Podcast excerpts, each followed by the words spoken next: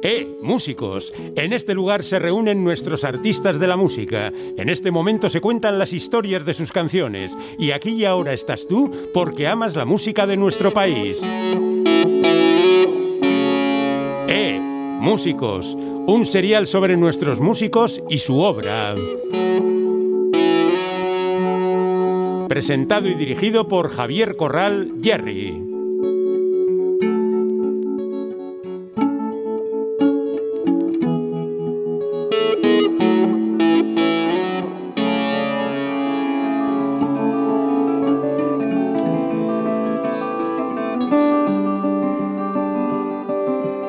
Basoan bilduta baleude urkitasun artean.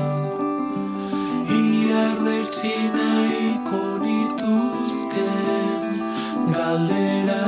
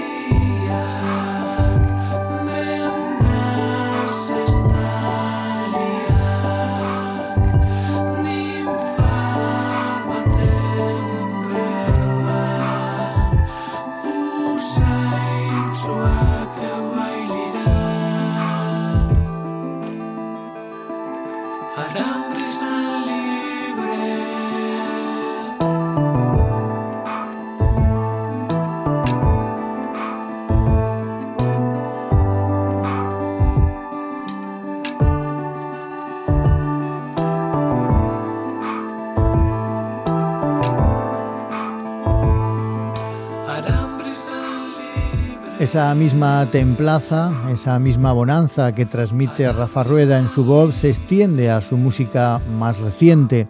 Es el Munguiarra uno de nuestros músicos más constantes, también de los más talentosos y de los que mejor ha sabido acercar sus canciones al aire de los días actuales. Nacido a finales del 72, Rafa comenzó con los años 90 en terrenos bastante más duros, primero con Broken Bioch y luego con PLT, para desembocar en una brillante carrera en solitario que también ha simultaneado con el grupo Lut Topet o sus numerosas colaboraciones con Mikel Urdangarín, Kirmen Uribe, Bingen Mendizábal, Angé Dualde y otros. Bueno, ¿no has tenido problema, Rafa, para elegir algo de lo más reciente de tu discografía? Bienvenido, Kaiso. Opa, ¿qué tal? Lo tenías claro, ¿no? Elegir Sí. algo de lo reciente. Sí, bueno, normalmente es lo que, bueno, el presente es lo que más nos ocupa y, bueno, pues eh, me parecía que era, pues, una buena fotografía a día de hoy. Fíjate que muchos bilbaínos han nacido oficialmente en cruces. ¿eh? Sin embargo, tú, munguiarra de siempre, pues naciste en Deusto, en, en Sí. Bilbao a finales del 72, como hemos dicho. Pero supongo que todos tus primeros recuerdos se ciñen a Munguía, ¿no? Sí, sí. Soy tomatero, eh, pero bueno, pues, eh, crecí en Munguía. Creo que fui de las primeras generaciones en las que ya no se, no se nacía en casa y toda mi infancia pues eh, ha transcurrido en el pueblo, sí. Toda tu infancia y buena parte de tu vida, aunque eso sí, pasaste una década, casi 11 años, Mm. en Gibaja. Creo que lo he Sí. dicho bien. Sí, sí. que no sé qué relación te unió con este pequeño pueblo, creo que tiene como unos 400 habitantes o así, Sí. y que está justo en la muga entre Cantabria y Euskal Herria, ¿no? Sí, eh, es una zona así montañosa cerca de Pozalagua, de Carranza, es fronterizo y bueno, pues hubo una época en la que ya llevaba unos años de alquiler y pues estaba pensando en, en tener un pues ya mi espacio propio y los precios prohibitivos del entorno pues me hicieron un poco escaparme de la zona de Munguía y al final pues buscando buscando acabé allí era un Huyendo sitio- de la especulación. algo así algo así ¿Notaste mucho esa muga? Eh, sí, sí, lo que pasa que, bueno, la verdad es que estoy muy acostumbrado a andar en coche y en, eh, y en 40, 45 minutos estaba en Bilbao o en Munguía. Entonces, eh, lo único, lo que más noté fue la gasolina, pero en realidad, eh, no sé, era un sitio muy tranquilo, me si- sigo yendo de vez en cuando y en el que me sentía muy a gusto. Ahora, bueno, ya llevo un par de años viviendo en Munguía otra vez y, bueno, se recuperan muchas relaciones, pero, pero tampoco me sentía como muy en el exilio, digamos. Fíjate que precisamente cuando vivías ahí, en ese entorno tan rural, hiciste un disco dedicado a la ciudad, Sí.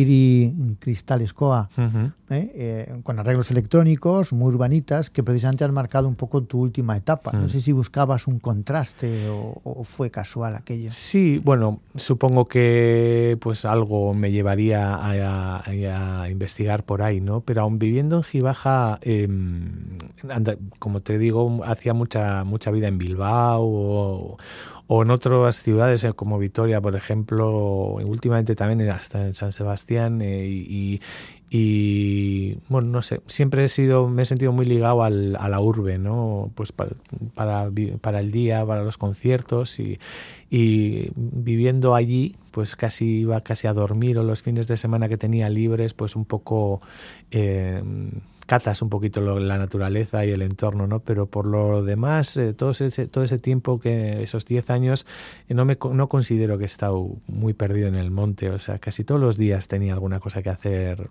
eh, pues sea en Bilbao, Munguía o por ahí. Eh, tu afición musical se despertó muy pronto, casi prematuramente, porque con cuatro o cinco años empiezas a estudiar solfeo, luego eres eh, profesor de guitarra española en el conservatorio. Eh, Sin embargo, no tenías ninguna tradición musical, ¿no? No en tu familia ni en tu entorno había ningún músico. No, eh, bueno, a ver, eh, sí soy de familia eh, a la que en la que había ha sonado mucho música. eh, bueno, pues mi ama era melómana también y mi tío pues tocaba el clarinete, pero no ha sido una cosa que bueno pues que se ha extendido mucho. Por ejemplo, no cantábamos en casa y pero sí que escuchábamos mucha, mucha, mucha música. Y de crío, no sé, había un tocadiscos en casa y, y estaba en mi habitación. Yo dormía ahí y mi ama todas las mañanas nos despertaba con el Carmen de Bizet, el tum para para. Bueno, y tenía todos los discos. Entonces existía, no sé si sigue existiendo ahora, lo del círculo de lectores, que pedías libros y discos. Sí, sí, hace mucho de eso, sí.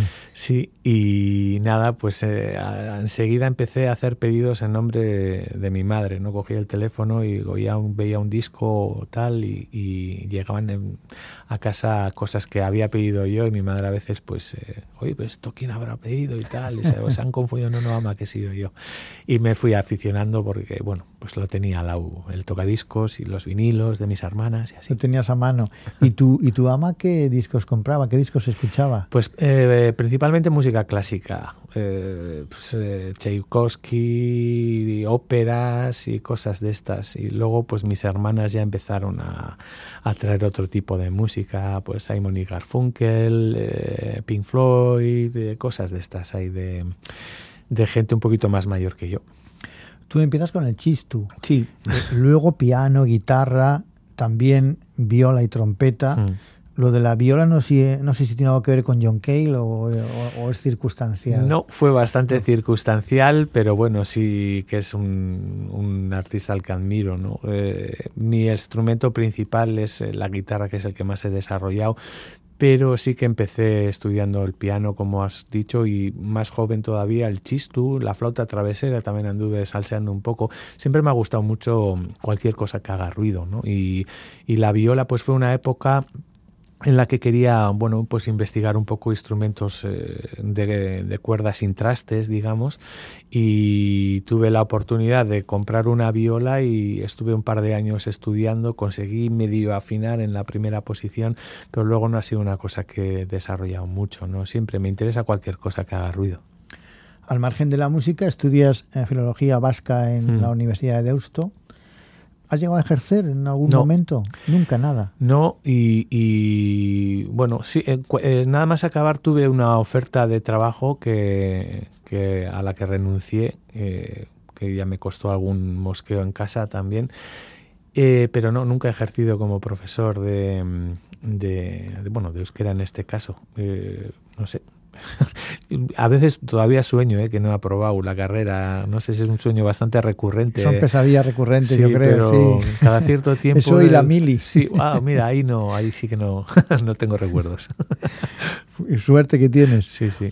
Eh, fíjate, no has llegado a entonces a ejercer de profesor, No. pero en tus años mozos has sido disjockey, Sí. has sido peón en una fábrica de persianas, Sí, sí. sí. taquillero, Sí, limpiador de piscina en el polideportivo municipal. sí, sí. Yo creo que cualquier cosa para poder comprarte tu primera guitarra eléctrica es el momento, ¿no? Pues sí, y sí, bueno, pues eh, me- eh, como a muchos me imagino, pues me tocó pues en una época, pues eso, que, que no había más que, que trabajar para, pues para poder conseguir dinero para comprar instrumentos. Y me valió también para tener eh, mucho más claro cómo orientar mi vida, ¿no? De todos los trabajos que, que he hecho, el más duro, sin lugar a dudas, fue el de peón en una fábrica De persianas. de persianas. Eh, me levantaba a las 5 de la mañana, iba andando pues unos 6 kilómetros a la fábrica, entrábamos a las 6, salíamos a las 3, o sea, fueron tres meses de infierno, entonces ahí tuve claro dónde no quería acabar. Si ahí te das Entonces, cuenta de, de lo duro que puede llegar a ser Sí, la vida y la, el trabajo, sí. ¿no? Y nada, pues me, bueno, me vino muy bien eh, y bueno, aparte, pues me, me aportó, pues eso que tanto quería, ¿no? Los instrumentos y el dinero para comprarlos, ¿no? Y Rafa, un músico de tu perfil vive, sobrevive de la música, Mm. que tiene que apoyar pues mucho en las clases, supongo, de guitarra, en Mm. las colaboraciones, muchas que has tenido. Sí, eh, eh, son muchos frentes. O sea, mm, por un lado, eh, eh, te obliga a diversificarte, eh, con lo cual, pues estás menos expuesto, digamos, a, a grandes debacles, porque siempre hay alguna cosa a la que te puedes agarrar.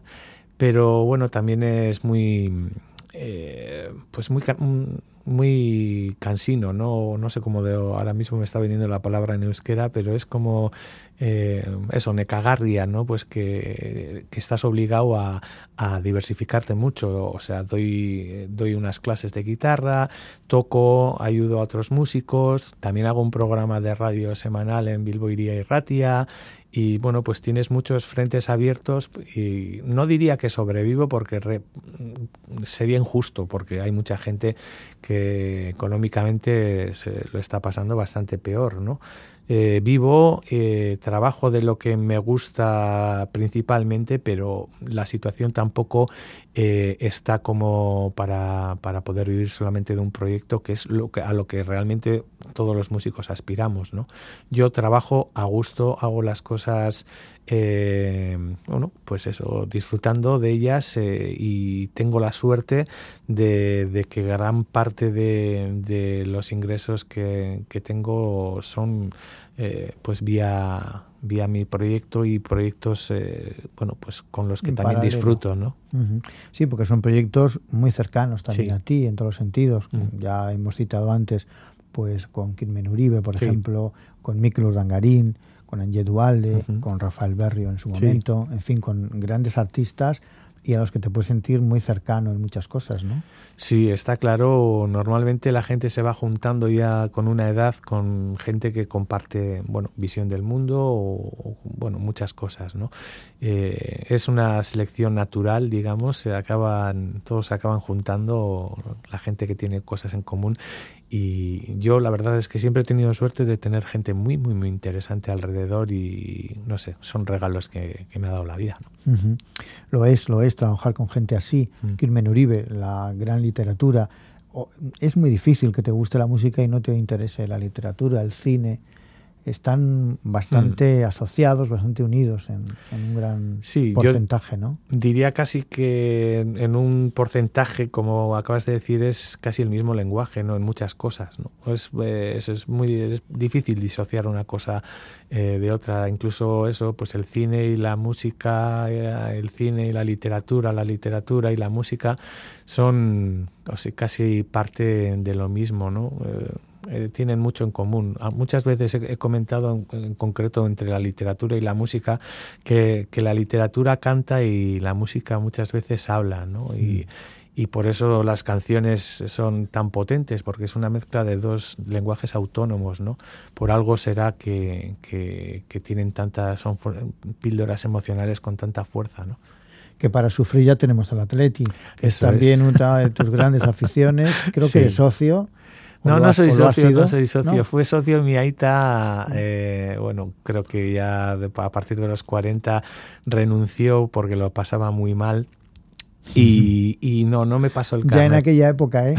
Se quejarán. ¿eh? Sí, sí, sí. Mi aita ha sido, fue, bueno, fue sufridor eh, eh, del Atleti y, sus- y los últimos años ya ni- casi ni encendía la radio. Solo me preguntaba, Rafa, ¿qué han, qué han hecho? ¿Qué ha hecho el ¿qué Atleti? hecho?". ¿no? La Sí, mítica sí. frase ¿eh? que Sí. ha hecho el Atleti. Bueno, yo te he visto en San Mamés, eh, además en cuadrilla y con estos mismos músicos y escritores a los que hemos citado, eh, compartiendo ese- esos momentos, ¿no? Sí, sí, bueno, somos bastantes en el círculo en el que me muevo, la gente que nos gusta, bueno, no diría el fútbol, diría el atleti concretamente. Y sí, solemos, cuando se podía, íbamos, eh, no con mucha frecuencia, pero bueno, dos o tres veces al año sí que aparecíamos por ahí. Oye, y aquellos primeros pasos con Broken Bioch Mm. y luego la conso- consolidación con PLT, Mm. ahora mismo mm, en esta lejanía, digamos, del paso del tiempo, ¿cómo lo percibes? Pues con, no sé cómo definirlo. Bueno, nostalgia por un lado, vergüenza, eh, pues porque, porque la verdad es que no estoy muy orgulloso de cosas que me imagino que le pasa a todo el mundo, ¿no? Con las cosas que, ciertas cosas que has hecho en tu vida, que las oyes y bueno, te echan un poco para atrás. Pero por otro lado es bonito pues recordar un poco aquella época y, y no sé, pues es con cariño y pero por un lado también con un poco de rubor, ¿no? Fíjate que luego PLT tuvo una emocionante y muy exitosa vuelta hace unos años. Mm. Sí. Eh, ahí también fue una especie pues de rejuvenecer aquellos recuerdos, ¿no? Sí, sobre todo en mi caso el volver a sentir la, mm, la sensación esa de trabajar en grupo, ¿no? Eh, Cuando empiezas una carrera en solitario mm, ganas mucho en libertad y es otra forma de trabajar, pero mm, eh, dejas de estar un poco en el, en, eh, pues en el en la, eh, esa cosa que te da el grupo, ¿no? Ese calor, eh, el sentir que, que te arropan y, y eso también es muy duro, el renunciar a eso. Entonces de repente, eh, después de 10 años, volver a sentir, ahí va, o sea, estoy, esto es como si fuese ayer. y Sí, que la- no eres el único responsable de lo que Sí. pase en, en el escenario, ¿no? O el Sí. máximo, digamos. Sí, fue, fue muy emocionante. O sea, luego aparte que son gente increíble y que cada uno por su parte musicalmente también eh, tiene cosas interesantísimas y mucho talento, ¿no?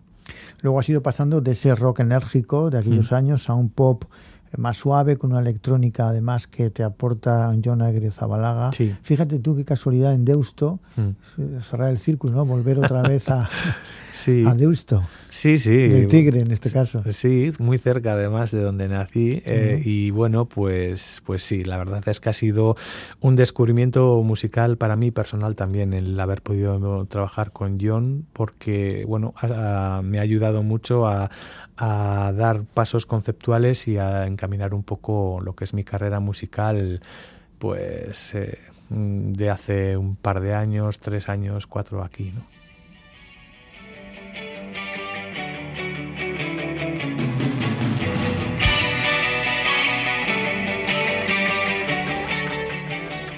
Quizás los de Munguía se acordarán del Morris, Sí. ¿eh? el disco pub donde pinchaste a finales de los 80. Mm. Eh, ¿Cómo recuerdas esa época? Probablemente una época de iniciación, claro, y donde quizás sonaban los Cure, que es el que has elegido, el, Sí. el grupo que has elegido para cerrar esto. Sí, sí, era un grupo que ponía mucho. eh, tendría unos 15, 16 años eh, cuando empezamos a, empecé a trabajar allí como pinchadiscos. Y he elegido esta canción porque eh, yo aprendí a tocar la guitarra oyendo a Robert Smith. Era, no es una persona que, a la que los guitarristas en sí suelen, eh, digamos, bueno, no sé, elogiar o pero me parece No es un exhi- exhibicionista en el sentido, Sí. digamos, de los solistas de guitarra, ¿no? Sí, yo cuando pienso en la guitarra me viene, bueno, me viene él, es eh, la persona, bueno, no solo guitarrista, como músico, todo lo que hizo con The Cure también y anteriormente, y es una de mis referencias y po- ahí empecé y, y mi forma de tocar eh, probablemente le debe mucho a, ellos, a- o en concreto a Robert Smith. Y este tema en concreto fue de las, de las primeras cosas que empecé a tocar. El principio de la canción es una cosa muy simple, cualquiera que sepa tocar la guitarra eh, eh, lo intuirá según oye el, el riff de la canción y es algo que, que no sé, me tocó y a la hora de elegir el tema pues no he tenido dudas. Pues con los Cure nos quedamos, ¿eh? año 85, el tema Push de su, de su álbum, uno de sus álbumes más importantes de Head on the Door. Millas que Rafa, un placer. Es que. Bye.